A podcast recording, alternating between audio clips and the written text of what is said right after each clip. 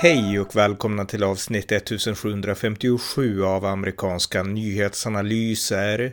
En podcast som kan stödjas på swishnummer 070-30 28 95 0. Mitt namn är Ronny Berggren och här följer en uppdatering tillsammans med min svensk-amerikanske kollega Björn Nordström om det senaste i USA. Varmt välkomna! Björn Nordström, välkommen! Tack så mycket. Vi ska uppdatera igen om vad som har hänt i USA nu på sistone, så ja, eh, sätt igång. Ja, jag tänkte den första grejen som jag tänkte bara nämna var att jag var och kollade på den här nya Avatar-filmen igår av James Cameron. Och en sak som slog mig väldigt kraftigt, förutom att det är marinkårssoldater och att amerikanska militären är den som är bad guys, det är att normalt i amerikanska filmer nu så ska det alltid vara massa svarta med i filmrollerna. Det ska vara mångfald naturligtvis. Men det som slog mig var att det var bland de här marinkårssoldaterna som var de bad guys var det inte en enda svart person med. Det var bara massa vita och så var det en asiatisk kvinna. Annars var det bara massa vita. Man kan ju bli, bli konspiratorteoretisk med att helt plötsligt så är det en avatarfilm och de vad ska man säga, åker till en annan planet och, och, och försöker då invadera då och, och försöker döda då en massa en massa indigenous people, natives då. Mm. Och då kan man ju lätt dra en parallell att det ska då visa upp hur de vita européerna eh, var, var liksom skurkarna och bovarna då när de åkte över till Nordamerika. Men, eh, men att, det, att det inte är någon svart med som är en skurk är väldigt konstigt. För annars är det alltid massa svarta med i filmer. Just för att trycket är att det ska vara svarta med i filmer. Mm. Nej men jag, jag, håller med, alltså, men det är väl för att just de, de enda som var riktiga människor i den där filmen, de var skurkar, så det var kanske därför de var vita. Och jag har faktiskt skrivit en, ett inlägg om det här på min, jag har ju en, en bloggsajt på Substack, ja. roniberggren.substack.com. Och eh, där har jag en artikel som heter Avatar 2 och nedmonteringen av västerländsk historia. Därför att jag, alltså, när jag såg ettan, det här var ju typ 2009 den kom, den såg jag då ja. därför att 3D hade just blivit populärt då, alltså 3D-filmer då. Och eh, sen dess har jag tröttnat på 3D, men, men det hade blivit populärt då, alla såg Avatar för att det var en av de här som pushade så att den här är i 3D. Och då minns jag att man kände verkligen att det här är Mariesoldaterna, de påminde om amerikanska soldater, de sa semperfi och sådana liknande saker. Ja. Och eh, de liksom skövlade ursprungsbefolkningen och man kände att det här är liksom en indirekt kritik mot USA, Irak, Afghanistan och mot Bush och allt det här. Alltså att jag tyckte att filmen var väldigt politisk. Och i den här filmen då, tvåan som jag såg, då var det ju samma vibbar. Lite mer betoning på kanske aspekter och sådär, inte lika mycket så soldater på det sättet. Men, men det var ändå, eh, man kände ju att det här var ju en politiskt, liksom, James Cameron som jag gillar egentligen, han hade politiska baktankar. Det gick inte att komma ifrån det. Ja, precis. Och även då, man, man kan ju undra varför han inte hade med någon svart bland marinkårssoldaterna, vilket är väldigt, väldigt konstigt. Mm. Ja, verkligen. Och sen, jag menar, det jag tycker är, det är för att man pr pratade mycket om, alltså det här var ju miljöaktivism förtäckt, alltså en ursprungsbefolkning, ja. och så var det de här som skövlade naturen och liksom ja. fiskade ut fisken och sådana saker, eller fiskade var ju levande varelser, men, men eh, alltså det, det påminde, det, det, gick in i liksom det som är trendigt nu, Greta Thunberg-rörelsen och hela den här miljöaktivismen liksom. Och eh, just att man pratar om en allmoder, liksom att det fanns en allmoder i naturen, moder jord och sådana saker. Och eh, jag minns att på eh, 2019 då sände SVT en serie som heter Jakten på Gud och det är en serie som är amerikansk, gjord av Morgan Freeman, den här svarta skådespelaren. Och i ett avsnitt i den serien då pratar Morgan Freeman med en indianhövding och den här hövdingen säger då att Mother Earth is the source of life, not a resource. Alltså, eh, ja, det är liksom moder jord är källa till, liksom, ja, till liv och inte en resurs bara. Och eh, jag menar, jag tyckte det jag såg i Avatar, det påminde om det liksom, man pratade om allmoden och liknande och sådär. Så att jag menar, det här var ju liksom miljöaktivistpropaganda i filmformat.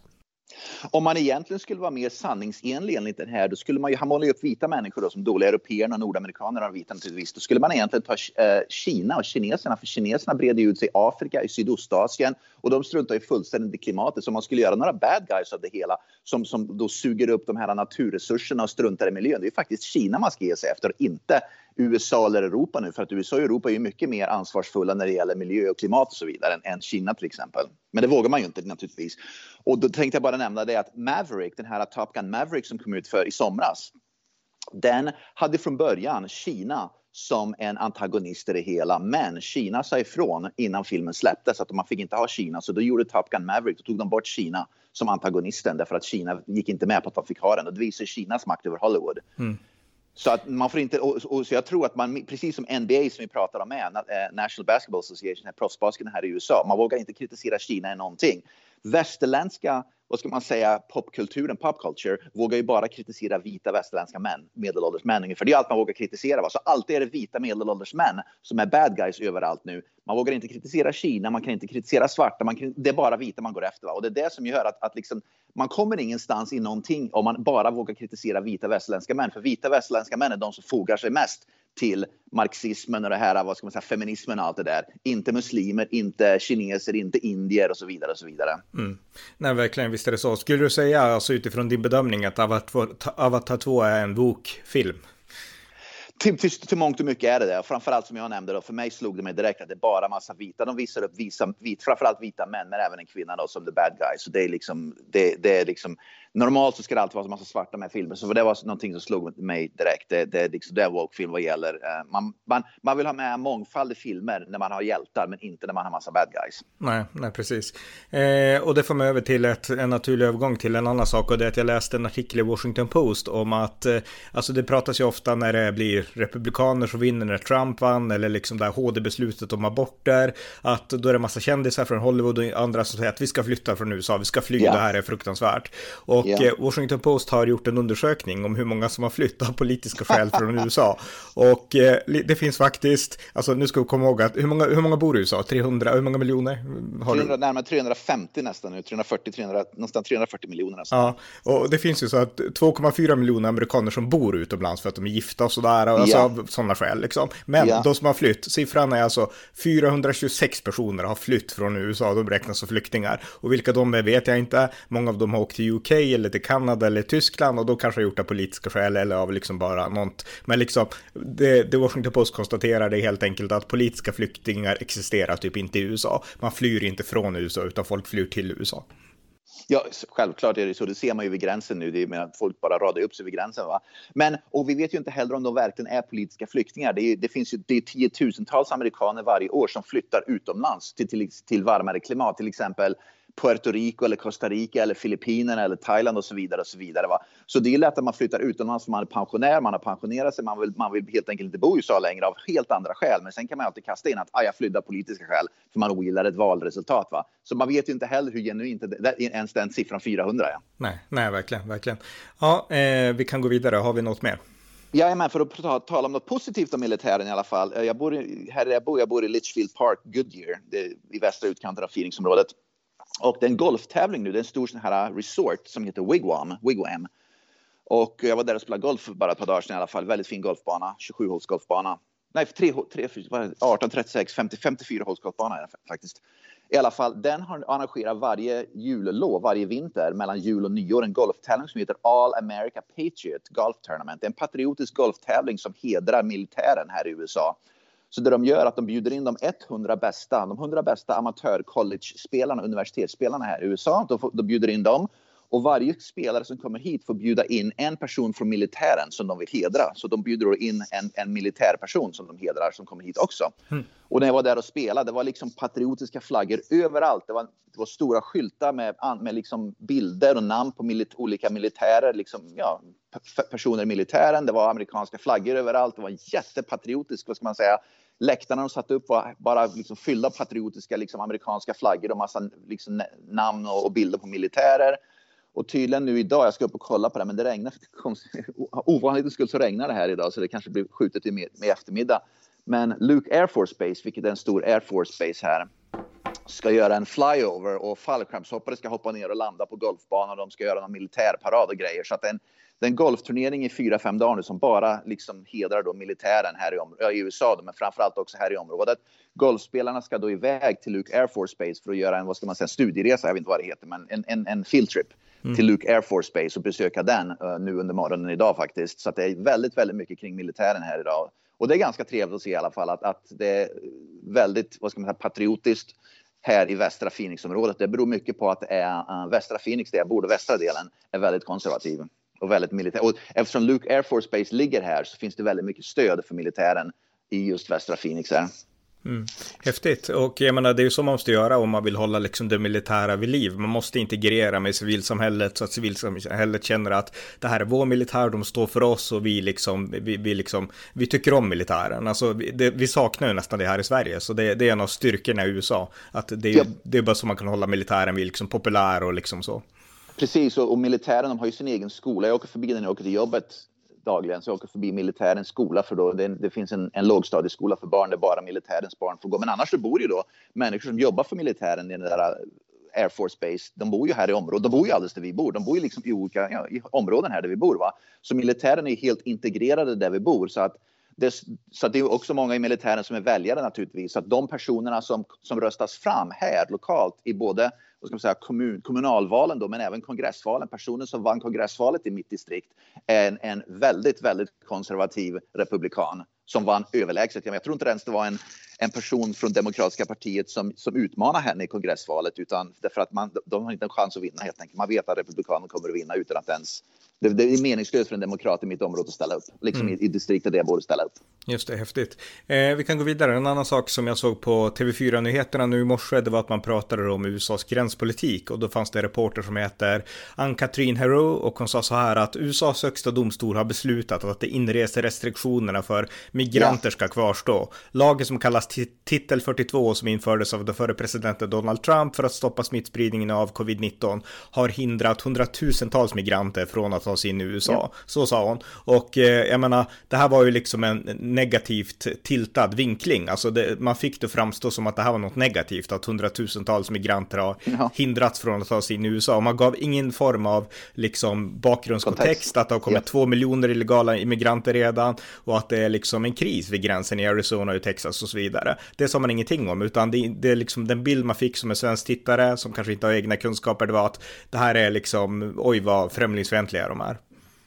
Ja, precis. Jag såg också att eh, Neil Gorsuch, HD-domaren Neil Gorsuch och Ketani Brown Jackson gick ihop och skrev ett uttalande om det där. Att de hade samma, till och med när, när Ketani Brown Jackson som är tillsatt av Biden och Neil Gorsuch tillsatt av Trump och de är på, på motsatta sidan av det här spektrumet och Gorsuch är väldigt konservativ, Ketani Jackson är väldigt liberal.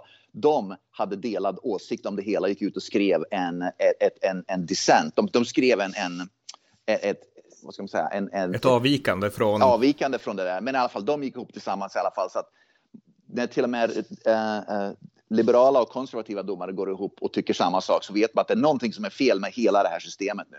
Mm. Oavsett vad de tycker så är det någonting som är fel helt enkelt. Jag såg också det på tal om, om migranter då och 1,6 miljoner ansökningar för asyl ligger nu på hög i USA. Det är det största, vad det heter, backlog någonsin här i USA. 1,6 miljoner. Det finns inte en suck det jag vet om det amerikanska immigrationssystemet och allt det jag, jag har själv varit involverad i det väldigt, väldigt mycket. Min fru har, mina kompisar, jag menar, jag känner ju, jag, jag är väl insatt i det där. 1,6 miljoner eh, asylansökningar ligger på hög och det kommer att ta säkert 10-20 år att gå igenom dem. Det finns inte en suck att man kommer för att eh, USC, Invandrarverket, Migrationsverket här i USA, USCIS, är så backlogged hmm. att, att de kommer aldrig kunna hantera det där. Och det vet ju alla. Så naturligtvis så finns det ju noll incitament nu för migranter som tar sig över gränsen att ansöka om asyl. När de vet att om du kommer över gränsen och ansöker om asyl så kommer det förmodligen ta 10-20 år för din ansökan att behandlas därför att det är sån jäkla backlog. Och det gör ju det att varför överhuvudtaget ansöka när det inte kommer att behandlas på tiotals år? Det är lika bra att bara hopp, ränna över gränsen och sen bli illegal direkt alltså, liksom bara strunta hela systemet. Va? Det är så det kommer att bli. Därför att det är, liksom det, det är precis som Skatteverket här i USA, IRS, Skatteverket har också en oerhört backlog. Det är miljontals då ansökningar som inte har blivit behandlade från förra, året, eh, förra årets um, skatte, vad heter det, uh, tax filing, uh, skattegrej. Och, och det, är liksom, det är också så att när det gäller amerikanska myndigheter nu, de är så överbelastade med ansökningar oavsett om det är Skatteverket eller om det är Invandrarverket. De är så överbelastade att man, de kan inte hantera grejer längre. Va? Utan det är, liksom, det är totalt kaos i myndigheten nu under Biden i USA. Det är någonting som aldrig tas upp i Sverige. Att myndigheterna i USA är överbelastade och det är totalt kaos. Så människor som har till exempel, eh, som för ett år sedan nästan, i februari, mars eh, 2022 gjorde sina skattedeklarationer har ju fortfarande inte fått tillbaka sina pengar som de, när de överbetalar skatten och så vidare. Och det, det är bara för ansökningarna ligger på hög i miljontals. Så det är totalt kaos i myndigheter under Biden. Mm, just det. Ja, det är mycket intressant att höra. Eh, ja, vi fortsätter. Något mer? Ja, uh, jag tänkte nämna då bara för att återgå till, um, till det här med, med patriotism och så vidare. Ronja, min dotter, har en kompis uh, som vars pappa är en av de högsta anställda på den här Luke Air Force Base. Och det här visste jag inte om, men det är ganska intressant. Varje gång det händer någonting, ja men det är inte smågrejer, men när det händer någonting av national security så kommer militären så, till skolan och plockar upp henne för att, skyd, för att köra det till ett slags skyddsrum därför att familjen ska då skyddas därför att han är tydligen, han är tydligen ett, en måltavla för, för uh, fiender. Mm. Så när det händer någonting, när det är någon stor grej på gång här i USA och det har tydligen hänt flera gånger under när hon gått i skolan de senaste åren så har de militären kommit och ränt in i skolan och plockat upp henne och sen kört det till någon hemlig ställe i alla fall. Så att det var bara något kring så Ronja kom och berättade, eh, min dotter då, kom och berättade att det, det var militären kom inrusande och, och, och, tog min kompis. Och jag visste inte vad som pågick, men sen jag träffade henne ett par dagar senare så förklarade hon att pappan är högt anställd på Air Force Base här och varje gång det är någonting som är, har, har med nationell säkerhet att göra så, kom, så blir hon upplockad för de måste skyddas. Ah, och det var väldigt, det var, det, så min dotter blev väldigt nästan chockad över det först. Liksom, herregud, jag blev livrädd när, de, liksom, när jag hörde det när jag fick reda på det. Coolt, men det låter, det låter ja. väldigt amerikanskt liksom. ja, visst är det det. Mm. Ja, vi fortsätter något mer. Ja, uh, uh, uh, Gretchen Whit Whitmer, mm. hon som är, vad heter det? Guvernör i Guvernör, Wisconsin. Ja, Eller jag menar ja, i Michigan, Michigan. Michigan, ja, Michigan, förlåt, ja. Hon i alla fall, det var ju en plot då för att hon skulle bli kidnappad. Det var ju några som skulle försöka kidnappa henne va? under eh, för, för, några månader sedan. De i alla fall blev bestraffade. Ledaren för den gruppen som skulle kidnappa henne blev bestraffad med 18 år i fängelse. Så här i USA så tar man väldigt allvarligt på hot och våld mot politiker. Så 18 år för ett... Och de hade ju inte gjort någonting överhuvudtaget. De hade liksom bara planerat att kidnappa henne. Men det, det ledde till 18 år i fängelse i alla fall. Mm. Ja. Eh, ja, vi fortsätter. Något mer? Ja, Carrie Lake förlorar, hon som är då guvernörskandidat, var guvernörskandidaten, hon förlorar sin uh, appeal eller sin, sin lawsuit här i alla fall, så det blev ingenting av det. Så att det blir Katie Hobbs i alla fall som blir guvernör här i Arizona i alla fall. Mm. Och eh, ja, det är synd på ett sätt. Det är synd på ett sätt, därför att Katie Hobbs suger ju verkligen av allt att döma. ja, jag såg att Katie Hobbs stämde. Katie Hobbs lämnade in en stämning mot Carrie Lake, men domaren kastade ut den stämningen i alla fall, så Katie Hobbs. Och det är det som visar att Katie Hobbs har noll intresse av. Nu är det ju så himla här i Arizona, är det ju väldigt, väldigt vad ska man säga, splittrat och delat och politiskt och folk är förbannade på varandra, demokrater och republikanerna. Va?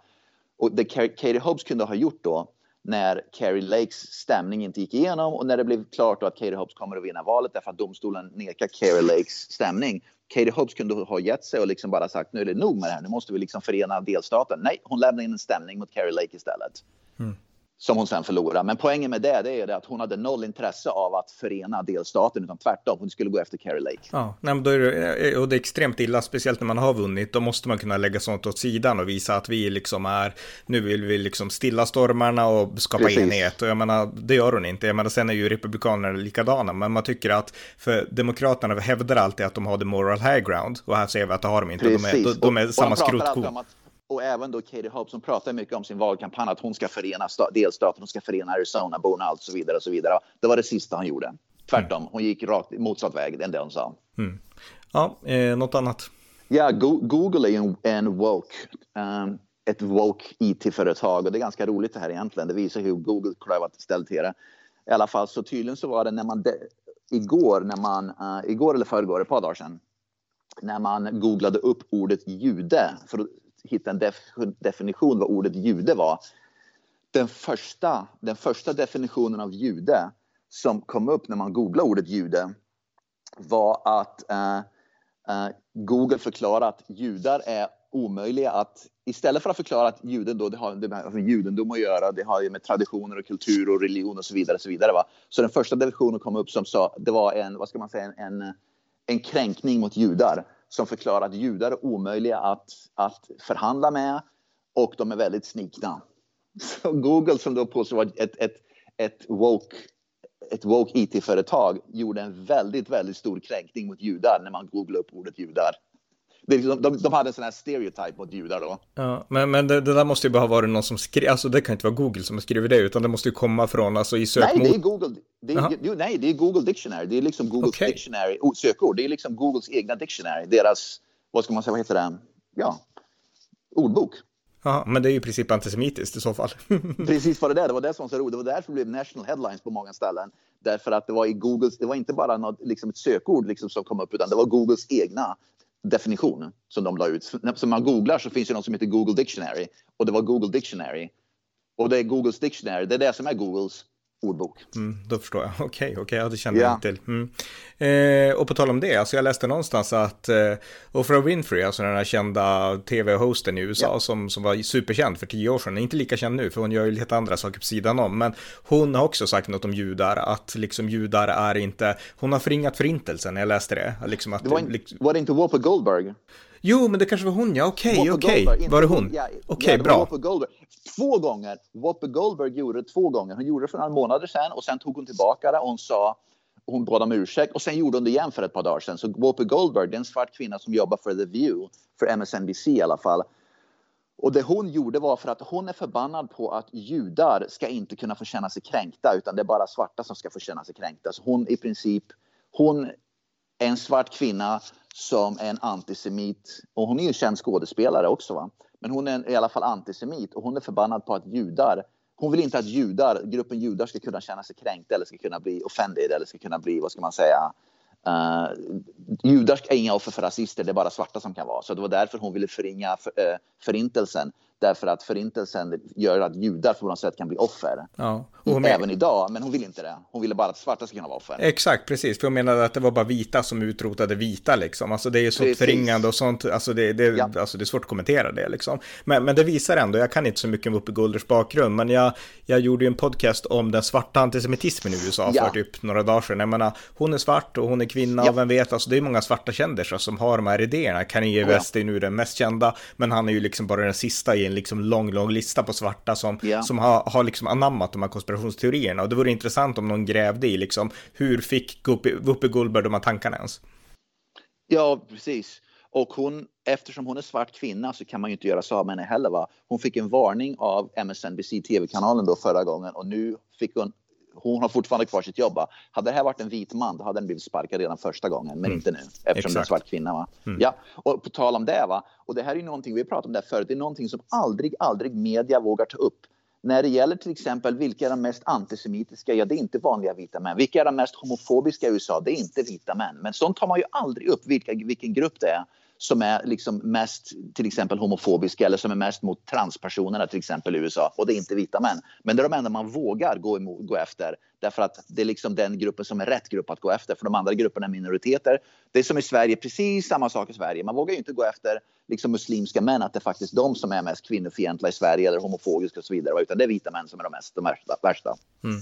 I morse på TV4 återigen då, då var det en person från Svenska Afghanistankommittén som kommenterade talibanernas eh, liksom inskränkningar av kvinnors rättigheter i Afghanistan och han sa liksom att det här hade inget med islam att göra. Och jag menar alla som vet något, jag tror han vet bättre faktiskt själv, men alla vet att självklart har det med islam att göra. Det betyder inte att alla muslimska länder har så här hårda lagar, men de talibanerna har ju liksom teologiska förklaringar till exakt allt de gör. Bättre teologiska förklaringar än de som gör motsatsen. Det finns få sunda teologiska förklaringar, eller liksom förankrade teologiska förklaringar som säger att kvinnor och friheten gör precis som de vill i islam. Det finns knappt, men det finns teologiska förklaringar för det talibanerna gör. Så att jag menar, att säga att det inte har med islam att göra, det är helt felaktigt. Men jag menar, det gör vi gärna, för vi vill inte liksom utmåla islam eller de där som att islam skulle vara något farligt. Men när det kommer till tvärtom, alltså vita eller kristendomen, då är det liksom vad som helst som är lite negativt. Då har det helt med att de är vita rasister att göra eller helt att göra med att det är kristendomen liksom. Så att jag menar, vi lever ju i någon slags, ett djupt självförakt här i väst där vi ska romantisera det exotiska och förakta vårt eget. Och eh, det är liksom, okej okay, om det vore sant, om det vore liksom att balansera att göra så, men nu är det verkligen, det är inte så, utan det här är en enorm obalans och eh, det, det är en obalans som har grund i osanning, alltså en felaktig beskrivning av verkligheten.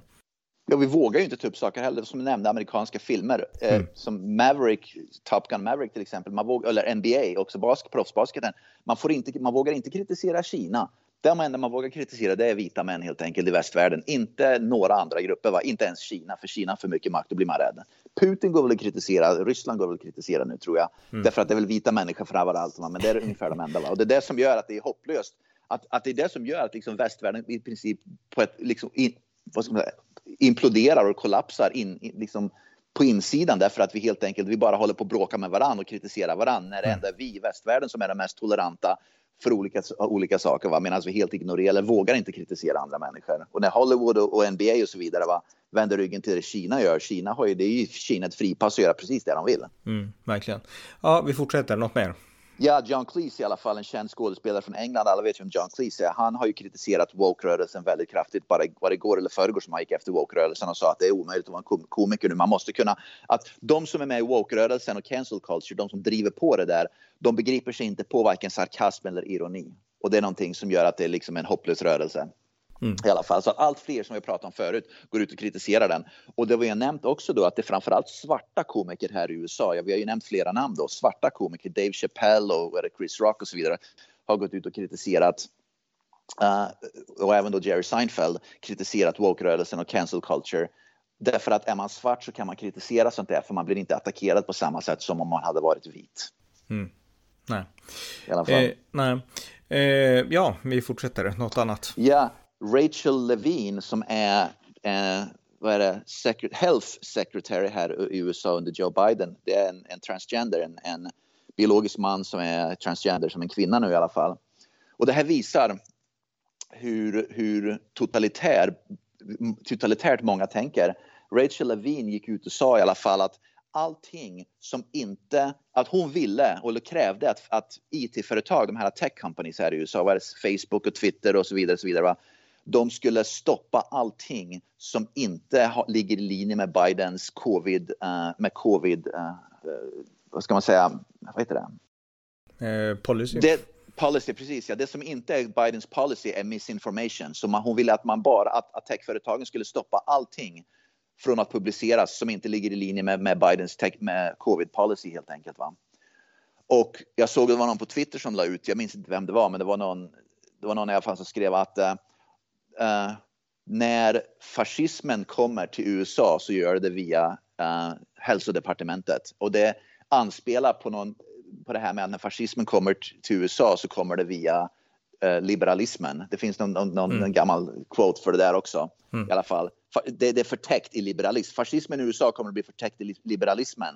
Mm. Och det, det stämmer precis det vi ser. Va? Och det de, de, på Twitter de nämnde att fascismen som kommer till USA nu är förtäckt via hälsodepartementet. Och det är väldigt, väldigt allvarligt. Med andra ord, ingenting som är kritiskt mot covid ska få publiceras om hälsodepartementet får som de vill. Nej, eh, nej men det är synd. Alltså, jag tycker så här att eh, nu kan vi se de här två åren efter corona, liksom att republikanerna hade rätt i många avseenden, inte alla avseenden. Det finns ju de som absolut inte tror på vaccin och så. Men, men liksom det här med att man måste balansera med friheten. Alltså man kan inte göra totala lockdowns. Så att det måste ju finnas en öppenhet att diskutera. Och det är den som de här galningarna stänger. Den här öppenheten, alltså friheten att debattera. Och det är det som, de är, som oroar mig mycket, det är att man fullständigt struntar i First Amendment och yttrandefriheten. Mm. Att man helt enkelt, det finns ingen, vad ska man säga, man, för mig är det alltid så att, att det spelar ingen roll, man får säga vad man vill, man är woke och så vidare, för det har med yttrandefrihet att göra. Men när det gäller sådana där saker, va, man ska censurera, censurera, censurera. Va, det finns inte, man tar inte någon hänsyn till att det faktiskt, faktiskt finns ett First Amendment och yttrandefrihet här i USA. Och det är det som skrämmer mig mest, att man fullständigt är beredd att kasta bort yttrandefriheten för att helt enkelt stoppa människor från att uttrycka sig eller publicera sånt som, som människor vill säga, oavsett om det är falskt eller sant. Mm. Ja, eh, vi fortsätter. Något mer? Ja, en transgender man. Nu vet jag inte ens om det var en transgender, men i alla fall i delstaten Texas så var det en man och det här visar också hur det här, det här toleransen för transgender, hur farligt det här har blivit. Att det var en man, en biologisk man i delstaten Texas som satte på sig en klänning och gick in i ett badrum, uh, i ett, ett omklädningsrum bland flickor och började ta kort och, och hade en pistol på sig. Uh, en pepper, en, en sån här mm. pepper spray gun. Mm. Pepper spray var det väl. Men i alla fall, med andra ord, man kan, som man kan sätta på sig en klänning och gå in och fotografera flickor i ett, i ett omklädningsrum helt enkelt. Va? Och, och det, är liksom, det, det, har liksom det blivit nästan normen nu att människor börjar göra nu, män börjar göra för att det är ett sätt att komma in och få se nakna tjejer ungefär. Och det är oerhört otäckt för mig att sånt här kan börja ske. Mm. Därför att om du har på dig en klänning och promenerar i ett omklädningsrum människor som jobbar, säg man går till badhuset och gör det här till exempel, de är så rädda för att, att säga stopp, du får inte gå in, därför att då kan man bli en, en, en transphobic. Och då låter man dem hellre gå in och börja fotografera, fotografera småflickor helt enkelt och äventyra små flickors, vad ska man säga, liv och hälsa. Bara för att man vill vara tolerant mot transgenders. Det här är fan livsfarligt. Vi har ju pratat om det förut, mm. att det finns transgenders då, biologiska män som har, är kvinnor då, går in i omklädningsrum och våldtar små tjejer. Det är otroligt att sånt här får ske liksom, att, att, att sånt håller på va? och ingen vågar säga ifrån. Ja, nej, nej verkligen. Och jag menar, vi har två olika, alltså vi har två hot mot kvinnor i väst idag. Dels är det den framväxande islamismen och sen är det liksom den här könsupplösande rörelsen som, jag menar, okej okay, om det bara handlar om deras individuella frihet, vad de gör hemma i det privata och sådär, men när det går ut över riktiga kvinnor i idrott och över flickor i omklädningsrum, jag menar, då har vi ett hot mot kvinnor och flickor.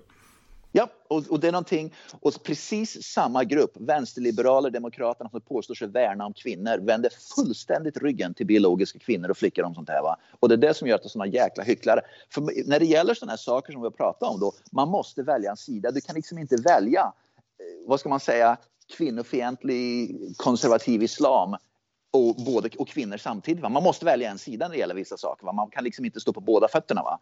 Och då väljer man ofta sidan, Liberalerna väljer ofta sidan som är emot kvinnor. Därför att det är den gruppen då som man då ska skydda mest. Och sen påstår man va, att man värnar om kvinnor. Va? Det är sånt jäkla hyckleri kring det där. Och det är sånt vi ser med, transge med transgender här i USA. Män kommer på att det är jättelätt att ta sig in i kvinnliga omklädningsrum. Det räcker att man säger att man är transgender, sätter på sig en klänning eller en peruk eller någonting så går man in och så får man se nakna brudar. Mm. Och det liksom är helt okej. Okay. Mm. Och det är helt okej. Okay. Men om en, en person försöker sätta stopp för det, den personen hamnar i media, i vänsterliberal media som en, en transphobic, man blir åtalad och så vidare. Och så vidare. Och det finns ju till och med delstater här i USA som skyddar män från att gå in på omklädningsrummen. Om du är till exempel delstaten New York eller Kalifornien, då har du till och med skydd att gå in och göra det. Så att om du blir stoppad kan du sen stämma. Säg att du går in på ett badhus, ett kvinnligt omklädningsrum då kan du sen stämma badhuset från att stoppa dina mänskliga rättigheter. Därför att det finns en lag som skyddar dig helt enkelt för, för att göra sådär. Det är helt otroligt. Mm, jag håller helt med. Eh, det finns också en, jag har inte läst en artikel, men det har kommit ut en artikel idag av Ayan Hirsi Ali som är ju jättekänd ja. och hon, hon kämpar för kvinnor och mot islamiskt förtryck och så. Och artikeln heter The Year the West Erased Women och den är då publicerad på Unheard där hon skriver sina artiklar och jag har inte läst den så jag vet inte vad den handlar om, men, men det låter som att den skulle kunna vara relevant relevant i förhållande till det vi pratar om nu. Den har jag inte heller läst, men jag ska se om jag kan gräva upp den. The Year the West Erased Women heter den, ja precis. Ja, ja vi fortsätter. Har du något mer? Ja, det här är ju otroligt bra. Det är ju Greg Abbott som är guvernör för delstaten Texas. Vi har ju pratat om att Greg Abbott och Ron DeSantis har ju skickat upp migranter då till busslaster då till Martha's Vineyard och till Joe Bidens hem i Delaware. Den senaste i ledet nu det var Greg Abbott, guvernör för Texas. Han skickade upp tre laster, tre, tre busslaster illegala immigranter och släppte av dem på Kamala Harris i, på hennes tomt hemma, i hennes hem i Washington DC. Alltså det är briljant. Och hon mm. var skitförbaskad naturligtvis då. Men, men, men eh, det, är liksom, det, det, visar ju då att, att guvernören här är så trötta på det här och att, att vad ska man säga, det hyckleriet hos de här. Kamala Harris bryr sig inte, vi har pratat om det i flera poddar, hon bryr sig inte skvatt om det som sker vid gränsen. Jag tror hon inte begriper gränsen, jag tror hon struntar i det, hon har inget intresse av det. Så att det enda sättet att få henne att vakna upp det är väl att släppa av massa illegala migranter, bokstavligen som knackar dörr på hennes hus Mm. Demokrater är jättearga för att det gjordes i alla fall, läser jag. Jajamän, ja. men vad ska man, de, ofta, det är de demokraterna sen som bor uppe i Washington. Och de, har, de liksom bor ju då tusen mil, eller på säga, hundratals mil från gränsen. Så de har ju egentligen det enda sättet de vägrar, Kamala Harris och Joe Biden vägrar ju att besöka gränsen mot Mexiko. De vägrar att besöka den. Vi nämnde ju det för en podd för några dagar sedan när Biden var här i Arizona och besökte så vägrade han att besöka gränsen. Han besökte bara ett företag mm. i Phoenix, men han vägrade att komma till gränsen. Va? Om inte de vill komma till gränsen, och det är det här som är liksom tanken då hos Ron DeSantis och framförallt Greg Abbott nu då. Om inte de vill komma till gränsen så får gränsen komma till dem. ja, ja, precis. Ja, okej. Okay. Eh, har vi något mer? Ja, i New York City i alla fall, för att spinna vidare på det här. New York City nu har i alla fall de, vill göra en de har bett Joe Biden att göra en declaration. New York City ligger ju långt ifrån mexikanska gränsen, var det 400-500 mil någonstans från mm. mexikanska mm. gränsen i alla fall. De har i alla fall bett Joe Biden nu, New York City har bett Joe Biden att declare en state of emergency vid gränsen. Därför att vi pratat om det förut. Texas, Arizona och uh, Florida skickar upp massa migranter ut till New York City så att för att New York City ska få ta del av det här också. Mm. Så att de, till och med New York nu har ju börjat inse att man måste göra något vid gränsen. Så de har nu bett Joe Biden att börja att göra en, en declaration of state of emergency vid gränsen. Just det. Mm. Ja, men det är bra, för det, ja, det, det måste vara målet med det, det Greg Abbott gör. Alltså då får han hjälp från även liberala delstater när de inser att oj, det här är, det är så här illa.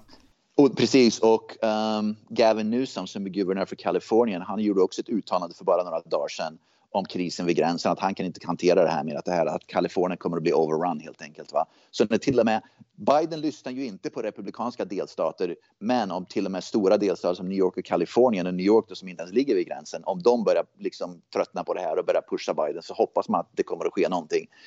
Därför att, som jag nämnde då i en podd, det liksom står ju tiotusentals, bokstavligen tiotusentals migranter står vid gränsen vid Mexiko beredda att korsa över så fort de får reda på att det här är Title 42 upphävs. Mm. Så kommer de att ränna över gränsen. Va? Och det, det blir en invasion alltså. Mm.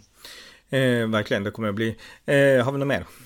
Ja, jag såg det var en ganska rolig grej. Det var delstaten Minnesota. I USA så sätter man ju upp sådana här politiska skyltar ganska ofta. Det är ganska roliga grejer som man kan se ibland. Det var en, en skylt i Minnesota. Jag vet inte vilken stad, men det var en stor sån här skylt någon hade betalat. Det är sån här reklam. Man kan ju betala det är såna här billboards så man kan köpa då, de billboards då, och, och sen sätta upp vad man vill på dem i princip. Va?